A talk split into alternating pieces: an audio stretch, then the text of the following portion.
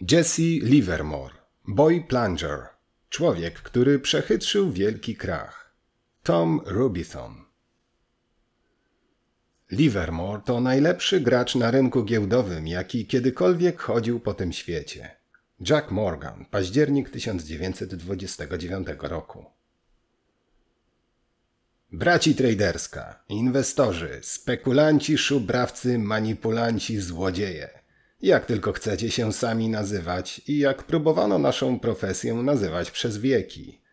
Oddaję w wasze ręce polskie tłumaczenie biografii jednego z największych i najbarwniejszych spekulantów XIX i XX wieku, Jesse'ego Livermora.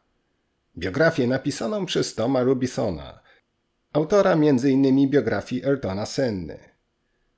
Pierwszy raz dowiedziałem się o Livermorze w latach 90. po moich początkowych sukcesach giełdowych, a następnie wróciłem do niego po moich porażkach na powodzi w 97 oraz kryzysie rosyjskim w 99. Książka o nim została mi polecona przez kolegów z grupy Usenetowej i na zawsze zmieniła moje podejście do rynku. Mam nadzieję, że ta pozycja otworzy oczy także Wam na nowe aspekty tej jednej z najtrudniejszych intelektualnych sztuk gry umysłu, gry serca, gry duszy i zatrważająco rzadko gry rozumu. Niech fortuna będzie dla Was łaskawa, a to jakże wiekowe dzieło da sporo ciekawych refleksji i chwil pełnych zadumy. Pochylmy się nad biografią, która jest warta więcej niż tysiąc szkoleń. Zapraszam do lektury. Rafał Zaorski. Podziękowania. Nad książką Boy Plunger pracowałem przez ponad 18 lat, odkąd po raz pierwszy usłyszałem o istnieniu Jesse'ego Livermora. Ale zanim w ogóle mogłem zacząć, musiałem cierpliwie poczekać na wygaśnięcie praw autorskich do fikcyjnej biografii Livermora, wspomnienia gracza giełdowego, co nastąpiło pod koniec 2013 roku. Wspomnienia to znakomita książka, autorstwa równie znakomitego dziennikarza Edwina Lefevra. W 2010 roku Dzięki specjalnej edycji przygotowanej przez Johna Markmana, który nie tylko przedstawił tło opowiedzianych przez Livermora zdarzeń, ale w dodatku zrobił to po mistrzowsku, książka nabrała nowego blasku. Celem niniejszej biografii było możliwie jak najdokładniejsze odtworzenie życia Jesse'ego Livermora. Ale muszę się do czegoś przyznać. Jest ono dokładne tylko w jakichś 90%. Bo gdy przywołuje się wydarzenia sprzed 130 lat, Trudno oczekiwać czegoś więcej nawet od najlepszego biografa. Dołożyłem wszelkich starań, aby ponownie zweryfikować prawdziwość wydarzeń, które miały miejsce dawno temu.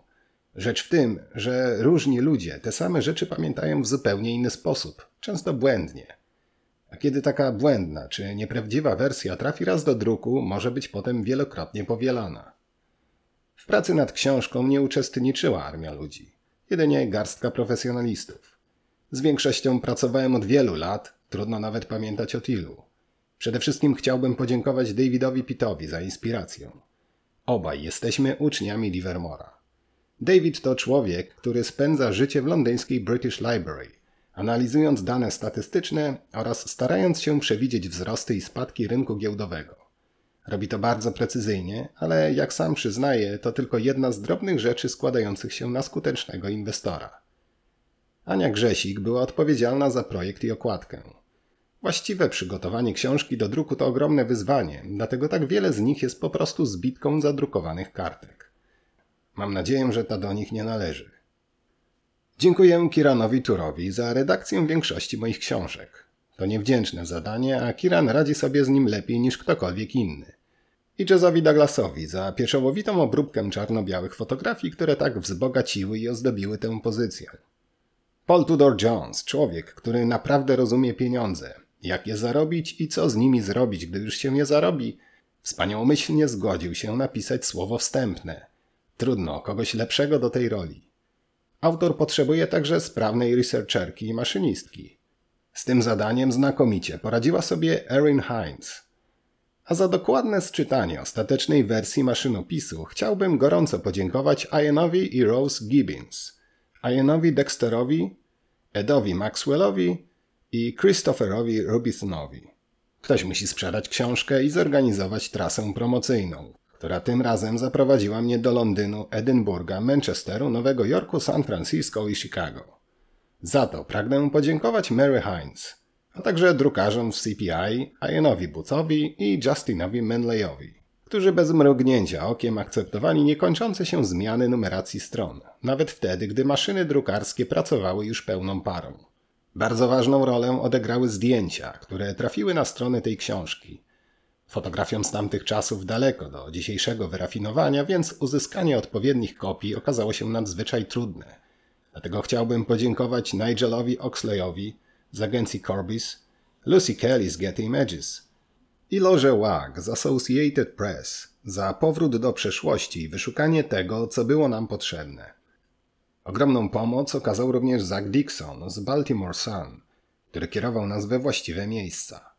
Umiejętność opisania z takim znawstwem przygód żeglarskich Jesse'ego Livermora zawdzięczam Louise Watrous z Mystic Seaport, Muzeum Morskiego stanu Connecticut, która dokładnie przeszukała muzealne archiwa i znalazła to, czego potrzebowałem, w tym piękne zdjęcia jachtu Atero 2. O, i wyrazy współczucia dla prawnika Marvina Simonsa – Ponieważ wszystkie opisane tu postaci nie żyją, nie było potrzeby przeglądu książki pod kątem ewentualnych oskarżeń o zniesławienie i wprowadzenia niezbędnych zmian, dlatego nie mógł wystawić faktury. Dziękuję Ediemu Broughtonowi, który jest moim księgowym od 29 lat. Dzięki niemu na 8 miesięcy mogłem przerwać zarabianie na życie, a on w tym czasie dbał o moje finanse. Chciałbym także wyrazić wdzięczność gazecie New York Times – za umożliwienie pełnego dostępu do biblioteki cyfrowej. Ze wszystkich dzienników na świecie to właśnie NIT udało się sporządzić najlepszy cyfrowy katalog wszystkich wydań, co ogromnie ułatwia pracę komuś takiemu jak ja. I wreszcie chciałbym podziękować mojej żonie, Beverly, która uważa, że to, co robię, do tego stopnia nie wymaga wysiłku, że w ogóle nie jest prawdziwą pracą. W sumie to chyba ma rację, chociaż ja tego tak nie odczuwam. Chyba, że dopiero po ukończeniu projektu. Jest także wiele innych osób, które odegrały mniejszą lub większą rolę w powstaniu tej książki i wszystkim jestem za to wdzięczny. Na koniec mogę jedynie dodać, że odpowiedzialność za wszelkie błędy i pominięcia ponoszę wyłącznie ja sam. Przedmowa. Jego własny wewnętrzny chaos. Tom Rubithon. Jesse Livermore zawsze był świadom własnych ograniczeń, które autor Eddie Elfenbein opisał później jako jego wewnętrzny chaos. Ten sam pisarz powiedział też, że Livermore poświęcił całe życie na pościg za marzeniem, wielką iluzją wszystkich hazardzistów, narzuceniem przypadkowi formy i spójności. Trudno się z tym spierać, w końcu bohater tej książki cieszył się przydomkiem Boy Plunger. Już na bardzo wczesnym etapie kariery Livermore podjął kroki mające chronić go przed samym sobą. Zainwestował 900 tysięcy dolarów w roczną rentę na utrzymanie żony i dzieci, na wypadek, gdyby sam nie był im w stanie tego zapewnić. Zwierzył się, prawdopodobnie przewidując przyszłe wydarzenia, że wiedział, iż gracz giełdowy jest w stanie wydać wszystko, co mu wpadnie w ręce. Mówił: Zrobiłem to, żeby zabezpieczyć żonę i dzieci przed samym sobą. Jedynym warunkiem wypłaty renty był zapis, że jemu tych pieniędzy w żadnym wypadku nie wolno dotknąć. Dość niezwykłe, ale prawdziwe. Ale życie osobiste Livermora nigdy nie definiowało jego życia zawodowego. Wręcz przeciwnie. To życie zawodowe wpływało na życie osobiste. Jeśli kiedykolwiek istniał giełdowy Bóg, to takim Bogiem był Jesse Livermore. 85 lat po jego największym sukcesie, zajęciu krótkich pozycji i być może wywołaniu krachu w 1929 roku, które na krótko uczyniło z niego jednego z dziesięciu najbogatszych ludzi świata, ciągle mówi się o nim z szacunkiem. Krach z 1929 roku stworzył go w dużo większym stopniu niż cokolwiek innego i przesłonił inne ważne osiągnięcia, które miały mieć wpływ na kolejne pokolenia inwestorów giełdowych. Współcześni operatorzy rynku giełdowego wymieniają go jako człowieka, od którego nauczyli się najwięcej. Wielu szefów funduszy hedgingowych wręcza nowym pracownikom egzemplarz fikcyjnej biografii, wspomnienia gracza giełdowego, książki opublikowanej 90 lat temu. Zasady gry ustalone przez Jesse'ego Livermora sprawiły, że wspomnienia są lekturą obowiązkową dla wszystkich pracujących w biznesie związanym z hedgingiem. Dzisiaj, podobnie jak kiedyś, stanowi ona podstawę inwestycyjnego sukcesu. Jedna z najbardziej znanych sentencji Jesse'ego Livermora brzmi: Istnieje tylko jedna strona rynku, i nie jest to ani strona byków, ani niedźwiedzi. To strona właściwa. Trudno bardziej dosadnie powiedzieć całą prawdę o rynku, ale Livermore często powtarzał, że utrwalenie sobie w pamięci tego truizmu zajęło mu dużo więcej czasu i kosztowało znacznie więcej pieniędzy niż jakakolwiek inna życiowa lekcja. Był nieugięty, twierdząc, że dopóty, dopóki traderzy nie zapamiętają tej maksymy, regularne zarabianie pieniędzy będzie niemożliwe. Jemu samemu wbicie sobie tego do głowy, jak mówił, zajęło sporo czasu. Ale Livermore odkrył też, że równie długo trwało wyciąganie wniosku ze wszystkich popełnionych błędów. Te zasady leżały u podstaw jego działalności i koniec końców uczyniły z niego legendę. Podstawową siłą Livermora była umiejętność wyciągania wniosków z poniesionych porażek i przekuwania ich w skuteczny handel. Często powtarzał, że jego straty nauczyły go, że nie można robić kroków przód, nie mając pewności, że nie trzeba się będzie wycofywać. A jeśli nie mogę iść do przodu, to w ogóle się nie poruszam. Nie chodzi mi o to, że nie należy ograniczać strat, kiedy nie ma się racji. Należy. Ale nie oznacza to niezdecydowania. Przez całe życie popełniałem błędy, ale tracąc pieniądze zdobywałem doświadczenie i zebrałem dużo cennej wiedzy o tym, czego nie należy robić. Kilka razy byłem bankrutem, jednak moje straty nigdy nie były całkowite. W przeciwnym razie nie byłbym w tym miejscu, w którym jestem teraz. Zawsze wiedziałem, że dostanę kolejną szansę i że po raz drugi nie popełnię tego samego błędu. Wierzyłem w siebie, mówił. Faktycznie, wierzył w siebie i ta wiara utrzymywała go w dobrej kondycji aż do 1932 roku, kiedy utracił swoją moc i już nigdy nie zdołał jej odzyskać. To smutne, ale ostatnie lata życia nie były dla niego szczęśliwe. Jego notatka samobójcza wyraźnie pokazuje, że Jesse Livermore uznał w końcu, że jego niezwykłe życie było porażką. Niezdolność zatrzymania przy sobie kolejnych żon, szacunku i pieniędzy doprowadziła go w końcu do samobójczej śmierci. Pod koniec życia zagubił gdzieś swoją tożsamość i nie wiedział już, czy jest utalentowanym graczem giełdowym, czy też hazardzistą, któremu czasem dopisywało szczęście i który przez przypadek znalazł się we właściwym miejscu o właściwym czasie. Ta brutalna samoanaliza prześladowała go w ostatnich latach i zdefiniowała jego dziedzictwo. Tom Rubithon, Bear Regis Dorset, Anglia, 30 września 2014 roku. Dziedzictwo Jesse'ego Livermora Paul Tudor Jones Jesse Livermore był imponującą, pełnokrwistą postacią i personifikacją każdej maksymy wyjaśniającej sekrety handlu na giełdzie. Jak sam często powtarzał, w sztuce spekulacji nie ma niczego nowego – i sentencja ta w takim samym stopniu odnosi się zarówno do dzisiejszych, jak i do współczesnych mu rynków. Podejrzewam, że będzie prawdziwa tak długo, jak długo będziemy odczuwać podstawowe ludzkie emocje: strach, chciwość, szczęście, żal, entuzjazm, przygnębienie, podniecenie i apatię. Najważniejsze lekcje, jakie otrzymałem od Jesse'ego Livermora, to jego powtarzalne porażki i sposób, w jaki sobie z nimi radził. Cztery lub pięć razy tracił całą swoją fortunę. Mnie zdarzyło się to samo, chociaż miałem szczęście być wówczas dwudziestolatkiem, a straty były stosunkowo niewielkie. W wieku 22 lat przegrałem 10 tysięcy dolarów, a jako 25-latek 50 tysięcy. W obu przypadkach to było wszystko, co posiadałem i wówczas oznaczało dla mnie fortunę. To wtedy przyleciał z Memphis mój ojciec. Wkroczywszy do mojego niewielkiego nowojorskiego mieszkania, Kazał mi usiąść i wysłuchać jego prawniczego wystąpienia. Zostaw w spokoju tę jaskinię hazardu. Wracaj do domu, poszukaj porządnej roboty w jakiejś szacownej profesji, na przykład handlu nieruchomościami. Oczywiście nie posłuchałem go, a reszta jest historią. Przy okazji, w ciągu ostatnich sześciu lat okazało się, że sektor nieruchomości jest równie bezpiecznym źródłem zarabiania pieniędzy jak gra w kości, więc wygrałem podwójnie. Gdybym posłuchał rad ojca, również mógłbym wszystko stracić, w dodatku będąc dobrze po pięćdziesiątce. Moim zdaniem to nie przypadek, że nasi wielcy mistrzowie, artyści, przywódcy czy inni wielcy ludzie w jakimś momencie życia musieli się zmierzyć z dotkliwą porażką. I sądzę, że ich wielkość częściowo wynikała właśnie z tej porażki. Abraham Lincoln, dwa lata przed objęciem stanowiska prezydenta, być może była to nasza najlepsza prezydentura, Przegrał w wyścigu do Senatu ze Stevenem Douglasem. Myślę, że to samo dotyczy mojej dziedziny. Nie mam zaufania do traderów, którzy nigdy nie ponieśli porażki. Uważam, że umiejętność zarządzania ryzykiem, tak ważna w życiu każdego tradera, ostatecznie kształtuje właśnie intensywne poczucie desperacji towarzyszące takiemu doświadczeniu. Każdy trader przynajmniej raz w życiu, a czasem częściej, otrzymuje dwie nieprzyjemne lekcje. Pierwsza następuje po druzgocąco brutalnej i boleśnie długiej serii nieudanych inwestycji, kiedy trader zaczyna się zastanawiać, czy kiedykolwiek uda mu się podjąć właściwą decyzję. A druga przychodzi wtedy, kiedy zadaje sobie pytanie, jak to się dzieje, że zarabia pieniądze i czy na dłuższą metę da się to utrzymać. Pierwsze doświadczenie jest testem na niezłomność.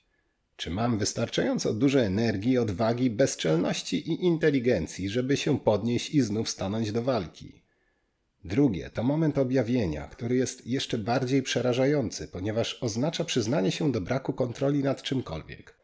Miałem bodajże 38 lat, kiedy pewnego dnia w 1993 roku zrozumiałem, że nie wiem w jaki sposób i dlaczego przez ostatnie 17 lat udało mi się zarobić te wszystkie pieniądze. To poważnie zachwiało moją wiarą w samego siebie i wysłało na drogę mozolnej samoanalizy, której wciąż daleko do końca.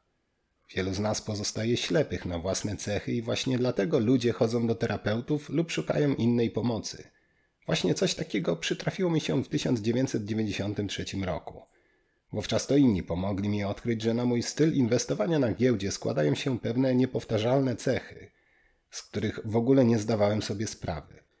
Właśnie te wszystkie złe nawyki były odpowiedzialne za najgorszy rok w mojej karierze. Jedyny, w którym byłem blisko znalezienia się pod kreską. Osobom z zewnątrz nieraz dużo łatwiej niż nam samym jest zrozumieć, dlaczego robimy to, co robimy. Każdy z nas zapewne uważa się za byt doskonały i chyba właśnie z tego powodu wymyślono małżeństwo, żebyśmy mogli pozbyć się tej iluzji. Chodzi mi o to, że czytelnikom tej książki oraz Edwinowi Lefevrowi, autorowi fikcyjnej biografii Livermora, często łatwiej jest zrozumieć psychologię handlu Livermora niż samemu Livermorowi. To nigdy nie jest proste, a jeśli czasem się uda, to i tak trudno to ubrać w słowa. Czytając tę książkę, podobnie jak wspomnienia gracza giełdowego, możemy zapewne dostrzec te wszystkie wyjątkowe cechy Livermora, których on sam nie był w stanie zauważyć. Paul Tudor Jones, Connecticut, Stany Zjednoczone Ameryki, 1 października 2014 roku. Trzeba w siebie wierzyć. Jesse Livermore. Jeśli ktoś chce zarabiać na życie grając na giełdzie, musi wierzyć w siebie i w swój osąd. Wiem to z doświadczenia, a nauczenie się, jak grać w tę grę na tyle inteligentnie, aby zarobić duże pieniądze, zajęło mi 5 lat. Miałem przed sobą bardzo proste zadanie: spojrzeć na spekulacje pod innym kątem. Ale nie wiedziałem, że na grę składa się znacznie więcej elementów niż to, czego byłem w stanie nauczyć się w bucket shopach. Tam uważałem, że wygrywam w całej grze, podczas gdy jedynie wygrywałem z bucket shopem. A jednocześnie umiejętność czytania taśmy oraz trenowanie pamięci, które rozwinąłem właśnie w tych przybytkach, okazało się wyjątkowo cenne. I jedno i drugie przychodziło mi bardzo łatwo. Swoje wczesne sukcesy zawdzięczam właśnie tym cechom, a nie jakiemuś wyjątkowemu intelektowi czy wiedzy, ponieważ mój umysł nie był wówczas odpowiednio wytrenowany. Za to ignorancja kolosalna. To gra nauczyła mnie gry. I w czasie nauki nie oszczędziła rózgi. Nie miałem tylu ciekawych doświadczeń, jak moglibyście sądzić, a proces nauki spekulacji, jeśli spojrzeć na niego z dystansu, nie ma w sobie zbyt wiele dramatyzmu. Kilka razy bankrutowałem, a to nigdy nie jest przyjemne. Ale traciłem pieniądze tak samo jak wszyscy, którzy tracą pieniądze na Wall Street. Spekulacja to ciężki kawałek chleba, a spekulant musi być w pracy przez cały czas. W przeciwnym razie szybko może się okazać, że tej pracy już nie ma. Jedyną rzeczą, jaka mnie przekonuje, że nie mam racji, to strata pieniędzy. Rację mam wyłącznie wtedy, kiedy je zarabiam. I to jest właśnie spekulacja. Jesse Livermore, Nowy Jork, Stany Zjednoczone Ameryki, kwiecień 1923. Rozdział pierwszy. Śmierć zadana własną ręką. Ostatni krach 1940. Był środowy wieczór 27 listopada 1940 roku. W niedostępnym dla zwykłych śmiertelników Cab Room, części modnego nowojorskiego klubu Stork, Don Arden, ulubiony fotograf tamtejszej socjety, zatrzymał się przy stoliku Jesse'ego Livermora, który akurat jadł kolację w towarzystwie swojej trzeciej żony Harriet. Fotograf, przekrzykując hałas, zapytał, czy może mu zrobić zdjęcie. Bardzo proszę, odpowiedział Livermore i dodał. Ale to będzie ostatnie, bo jutro o tej porze będę już bardzo, bardzo daleko. Nikt nie zwrócił uwagi na te słowa. Błysnął flash, Arden pstryknął swoje zdjęcie. Żona Livermora, do której mąż zwracał się Nina, a która z kolei mówiła do niego Lori, wstała od stolika i w towarzystwie przyjaciół ruszyła na parkiet. Livermore, zamyślony, został sam przy stoliku. Tego wieczora nie potrzebował towarzystwa. Musiał podjąć najważniejszą decyzję w życiu, czy je zakończyć. Zdjęcie Ardena miało nabrać szczególnego znaczenia. Zanim opuści ciemnię, jego bohater prawdopodobnie będzie już martwy. Zawsze młodzieńczy boy plunger, teraz wcale nie wyglądał młodo. Wcześniej zawsze dawano mu o 10 lat mniej. Kiedy jednak przekroczył czterdziestkę, proces się odwrócił i oceniano go na dobre 10 lat więcej. W wieku zaledwie 63 lat wyglądał i chodził jak ktoś dobiegający osiemdziesiątki. Rankiem 28 listopada Livermore wyszedł z apartamentu w budynku pod numerem 1100 na Park Avenue i ruszył w stronę 745 Fifth Avenue, gdzie na najwyższym piętrze Squibb Building z oknami wychodzącymi na Central Park znajdowało się jego biuro. W tamtym czasie pracował jako konsultant do spraw rynku kapitałowego i inwestował na giełdzie. Nie zawsze skutecznie, w imieniu innych. Utworzenie w 1934 roku Komisji Papierów Wartościowych i Giełd, której pomysłodawcą był Franklin Roosevelt, zmieniło zarówno zasady rządzące rynkiem, jak i dopuszczalne prawem normy postępowania, co bardzo skomplikowało życie starych wyjadaczy pokroju Livermora. Czuł się zmęczony nowymi przepisami. Niemal każdy sposób, który w przeszłości pozwolił mu na czterokrotne zgromadzenie olbrzymiej fortuny i uczynił go jednym z najbogatszych ludzi na świecie, Teraz był wyjęty spod prawa i nielegalny. Każdego ranka siedząc w swoim biurze mógł jedynie rozpamiętywać dni dawnej chwały i liczyć godziny dzielące go od lunchu. Wówczas udawał się do pobliskiego, położonego na rogu Fifth Avenue i East 59th Street hotelu Sherry Netherland, z którego roztaczał się piękny widok na Central Park. Przybytek otwarty zaledwie 13 lat wcześniej zajmował niewielką część największego wówczas apartamentowca na świecie. Brązowy, wykończony piaskowcem gmach był także jedną z najelegantszych budowli tamtych czasów, a dostępne dla gości gustowne pomieszczenia nawiązywały wystrojem do najlepszych renesansowych wzorców. Bar, w którym Livermore często jadał posiłki, był niewielki i przytulny. Pamiętał czasy sprzed prohibicji. Livermore'owi to pasowało. Z czasem lokal ten stał się jego ulubionym miejscem na całym Manhattanie. Mógł tutaj, podziwiając z okien Central Park, całkowicie pogrążyć się we własnych myślach. Dawno temu wynajmował w tym hotelu aż kilka apartamentów, traktując go jako swoją bazę na Manhattanie. Wówczas, po zamknięciu sesji giełdowej, przychodził tu wprost z biura, aby cieszyć się towarzystwem młodziutkich aktoreczek, które przedstawiał mu impresario i przyjaciel Florence Ziegfeld Jr., po latach, wspominając ten okres, zwykł mawiać, że były to najszczęśliwsze dni w jego życiu. W 1936 roku, kiedy wraz z żoną kupili mieszkanie na Park Avenue, na dobre opuścił hotelowe apartamenty. Ze względu na związane z tym miejscem wspomnienia, wybór przez Livermora, hotelu Sherry Netherland jako miejsca śmierci nie był przypadkowy. Od 1927 roku było to także jego ulubione miejsce na lunch. To właśnie tutaj regularnie wpadał po pracy na drinka z dawnymi przyjaciółkami, z których większość miała już mężów i dzieci. Nastrój, w jakim tego popołudnia wchodził do hotelu Sherry Netherland, nie miał nic wspólnego z samopoczuciem największego inwestora, jakiego kiedykolwiek widziała Wall Street. Przeciwnie, odnosił wrażenie, że wszystko co najlepsze już za nim, a jego życie nie ma większego sensu. Niegdysiejsza licząca miliony dolarów fortuna dawno stopniała, a dochody skurczyły się do skromnej renty i hojności żony, która dysponowała własnym majątkiem odziedziczonym po poprzednich czterech przedwcześnie zmarłych mężach. Livermore miał poczucie kompletnej klęski i w interesach, i w życiu osobistym. Zdawał sobie sprawę z powodów tej porażki, ponieważ wielokrotnie je analizował. Jego problemy można by podsumować krótko: brak konsekwencji.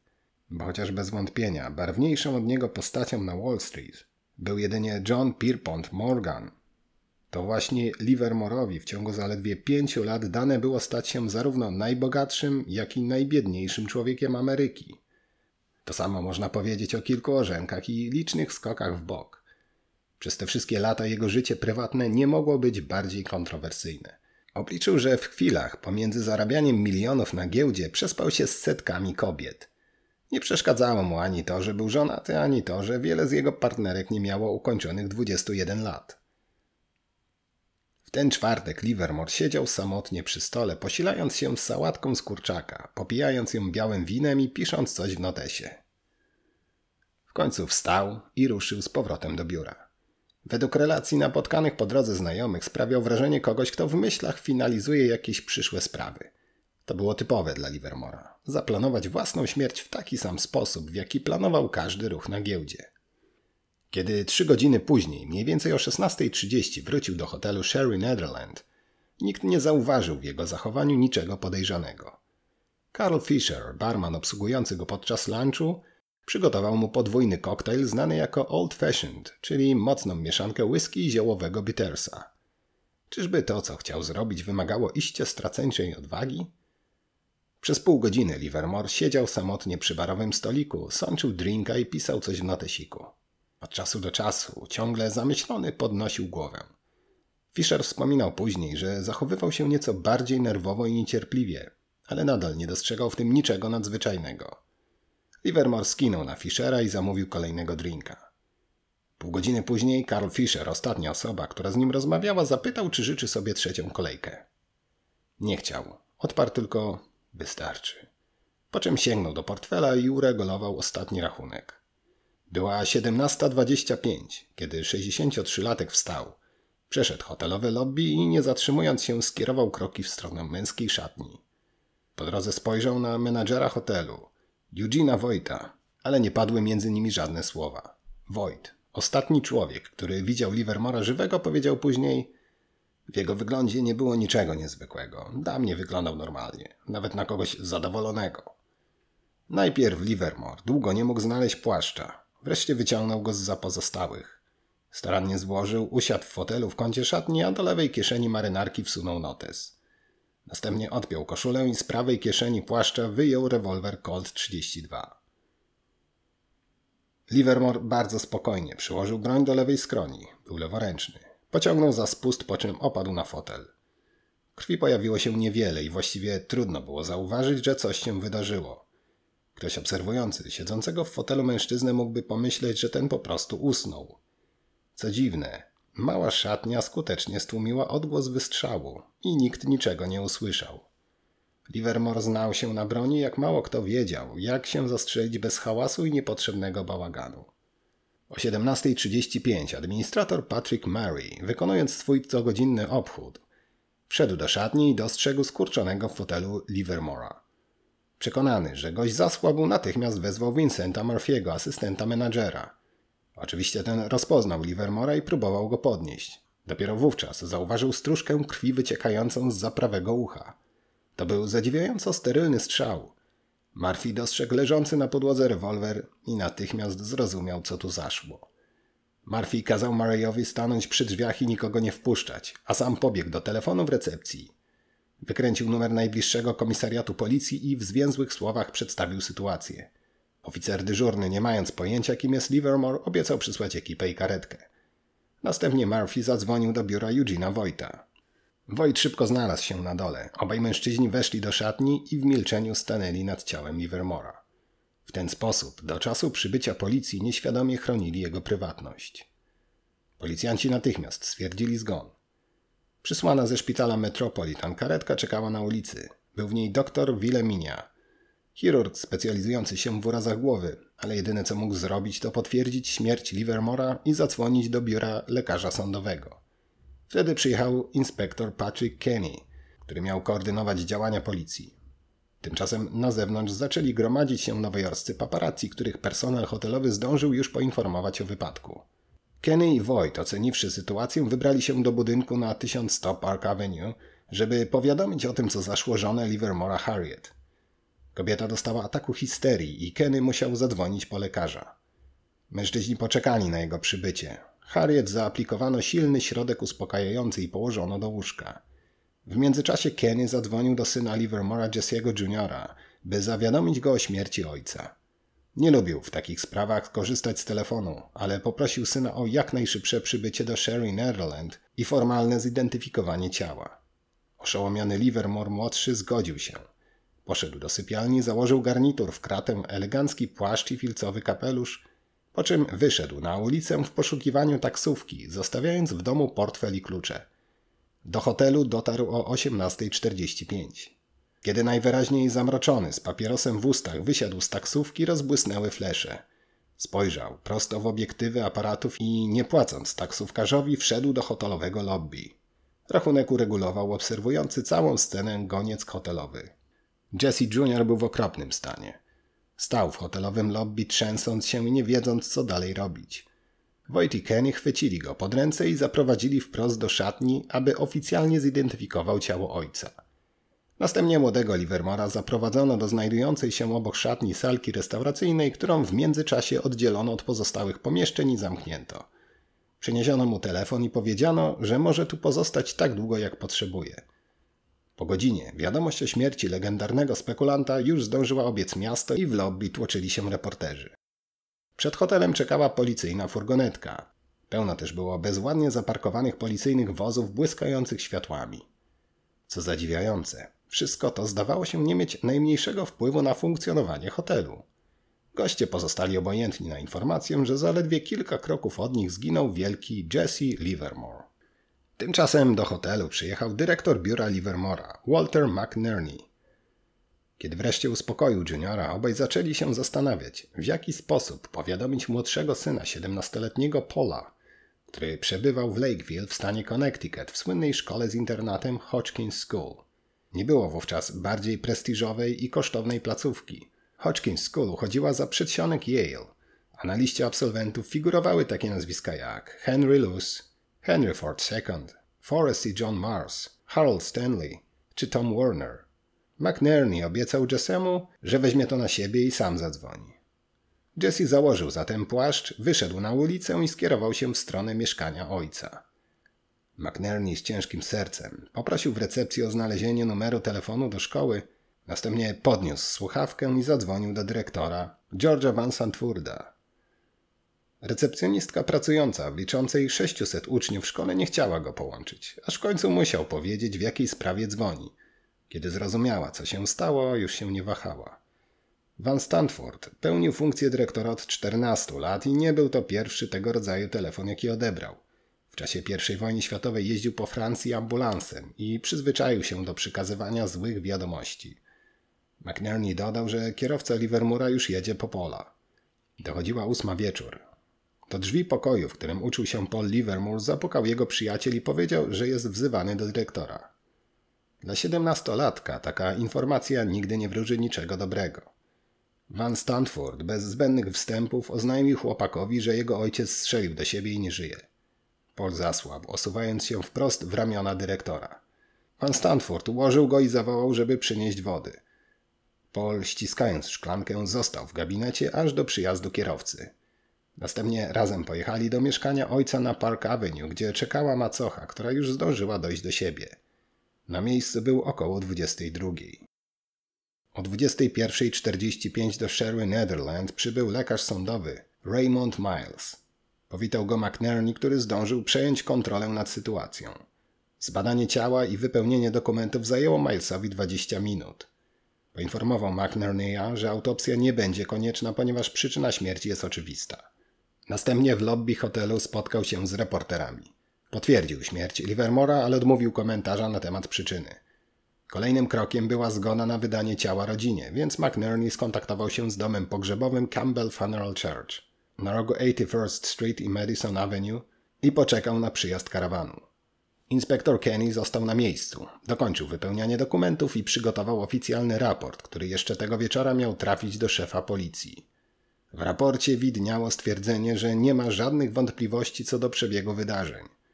Livermore zadał sobie śmierć własną ręką. Obok niego na podłodze znaleziono broń, a w kieszeni napisany w notesie list pożegnalny. Liczył on osiem stron i skierowany był do żony, która w ten sposób została wdową po raz piąty. W raporcie Kenny dokładnie opisał treść listu, następnie wręczył go McNerney'owi, który z kolei przekazał go juniorowi czekającemu w mieszkaniu ojca. Chociaż w samobójstwie Livermora nie było niczego niezwykłego, to intrygującą postacią była jego żona. Gazety pisały później, że czterech jej poprzednich mężów również popełniło samobójstwo. Livermore był piąty. To dość niesamowita seria zbiegów okoliczności, których nigdy nie wyjaśniono. Ale to, że Livermore odebrał sobie życie i był w depresji, nie pozostawiało wątpliwości. W czasach bardziej nam współczesnych stan Livermora opisano by jako kliniczną depresję schyłku życia. Później mówiono by o autyzmie i chorobie dwubiegunowej. Na ironię zakrawa fakt, że kilka lat wcześniej sam Livermore pisał, że kariera spekulanta na Wall Street nie jest zajęciem dla ludzi o zaburzonej równowadze emocjonalnej. Livermore był stałym bywalcem hotelu Sherry Netherland, bardzo przez wszystkich lubianym i wręczającym hojne napiwki, więc tego wieczora popłynęło sporo łez. Później dyrektor zebrał cały personel w swoim gabinecie i minutą ciszy uczczono pamięć popularnego gościa.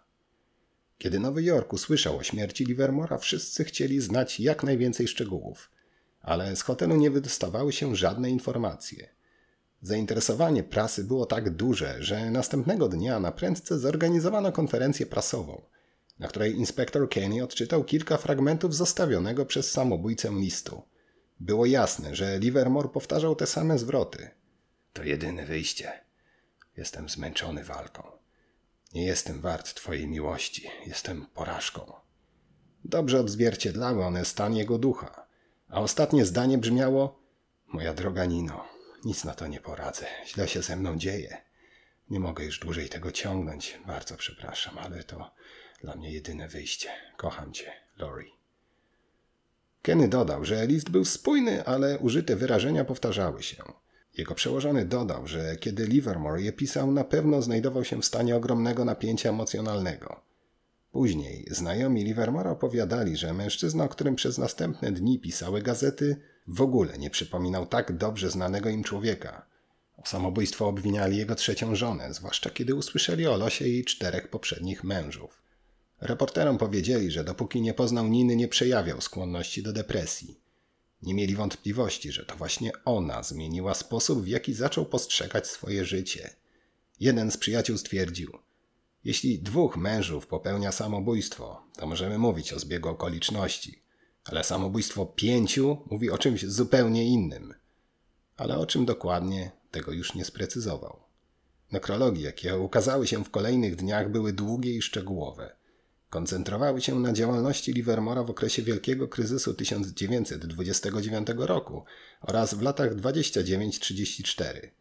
W tym czasie udało mu się zgromadzić fortunę o wartości prawie 100 milionów dolarów, aby chwilę później zamienić ją w opływający na 5 milionów dług. To właśnie ten okres ukształtował go jako człowieka i lepiej niż cokolwiek innego tłumaczy późniejsze wydarzenia.